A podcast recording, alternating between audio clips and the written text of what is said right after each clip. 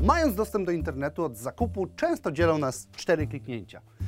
Zważywszy na to, że tradycyjna metoda wymaga od nas dużo więcej zaangażowania i czasu, pójścia do sklepu, wykonania całej tej czynności, zakupu, powrotu do domu, kiedy to się wszystko zmieniło i jak to się wydarzyło? Do 2021 roku szacuje się, że zakupy przez internet na całym świecie będzie wykonywać 2 miliardy ludzi. Jest to ogromny skok, jeżeli spojrzymy na to, że w 2016 roku tych kupujących było miliard 600 milionów. W samym tylko USA dotychczas zakupy w sieci wykonywało około 9% konsumentów. Szacuje się, że w nadchodzących latach te cyfry urosną aż do 12%. No i te liczby robią wrażenie, jeżeli spojrzymy na przykład na Koreę Południową, gdzie za zakupami w sieci rozgląda się już prawie 20% populacji.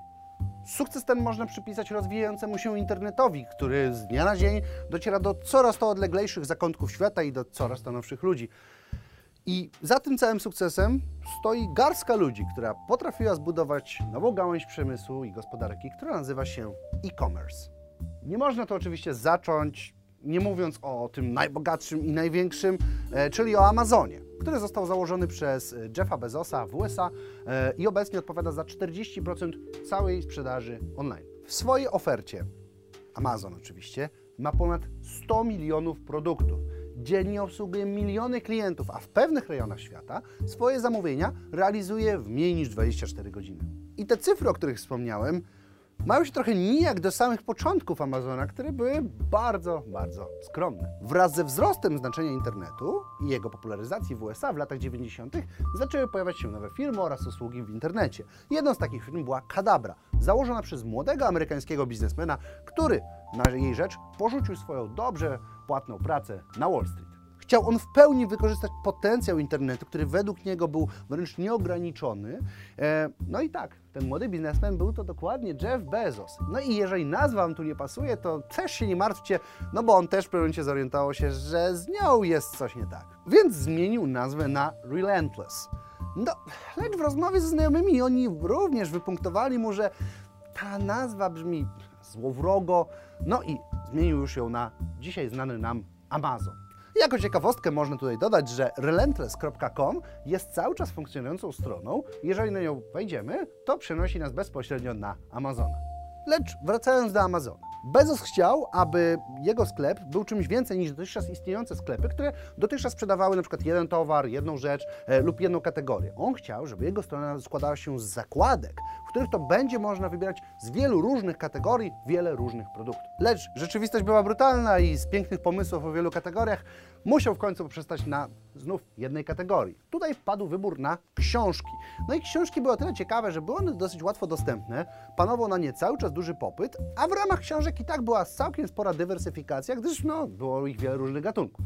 Korzystając z pomysłu, udało mu się tylko w dwa miesiące rozpowszechnić swoją internetową księgarnię na 45 krajów i osiągnąć miesięczny przychód w wysokości 80 tysięcy dolarów. I tu ciekawostka, gdyż 80 tysięcy dolarów dziś Amazon zarabia w około 14 sekund. No i ciekawostka dla Was, myślę, że w mniej niż 14 sekund jesteście w stanie zminimalizować film albo po prostu wziąć i kliknąć przycisk subskrybuj na tym kanale. Później firma weszła już na giełdę, no a reszta już jest tylko historią. A jeśli o giełdzie mowa, to gdybyśmy przy początku Amazona, przy jej wejściu na giełdę, kupili akcje za około 10 tysięcy dolarów, to dziś mielibyśmy 10 milionów dolarów wartości w akcjach. Taka była skala wzrostu, więc to bardziej przykład dla uzmysłowienia, jak gigantyczna jest to dziś firma. Można by pomyśleć, że skoro Amazon wystrzelił tak szybko, to na dobrą sprawę nie ma dużej konkurencji. Jest to praktycznie nieosiągalne, bo też na osiągnięcie swojego sukcesu potrzebował aż trzech dekad. Pamiętajmy. To jednak istnieją firmy, które zaczynają coraz bliżej deptać mu po piętach.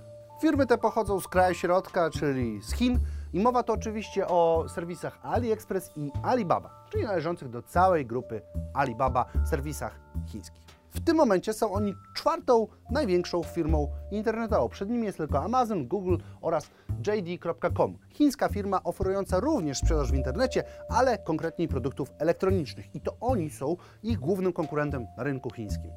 Grupa Alibaba sprzedaje niemal wszystkie towary e, i nawet więcej. Ponadto sprzedają je praktycznie we wszystkich krajach świata. Ich magazyny dochodzą do gargantuicznych rozmiarów, a szef ich firmy, Jack Ma, zapowiada tylko i wyłącznie dalszą ekspansję.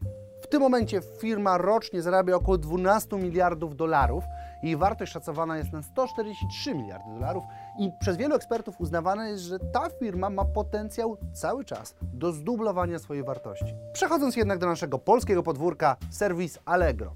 Serwis, na którym możemy kupić również różne produkty. Ale pewnie powiecie, że to serwis aukcyjny. No i tu cytując Radka, nic bardziej mylnego, bo przez ostatnie lata Allegro zaczęło iść trochę właśnie w stronę Amazona i AliExpressu, stając się takim swoistym węzłem dla sklepów, e, gdzie mogą one wystawiać swoje towary. I tym sposobem mamy dostęp do produktów z różnej części Polski od różnych mniejszych przedsiębiorców na jednej platformie. Allegro faktycznie powstało jako serwis aukcyjny na fali popularności eBaya, gdzie też osoby mogły dokonywać jakby handlu detalicznego, osoba do osoby. Jednakże Allegro bardzo szybko spopularyzowało się w Polsce, dochodząc nawet do 6 miliona ak- aktywnych użytkowników. Jednak przejdźmy do clue odcinka, czyli naszych rozważań i tez. I tak, firmy handlujące online rozwijają się w zastraszająco szybkim tempie i wygląda na to, że się nie zatrzymają. Więc czy niedługo e-commerce zastąpi nam tradycyjne sklepy? I to pytanie nie powinno brzmieć czy, a raczej kiedy. Bo tendencja zmierza w stronę, że to wydarzy się raczej prędzej niż później.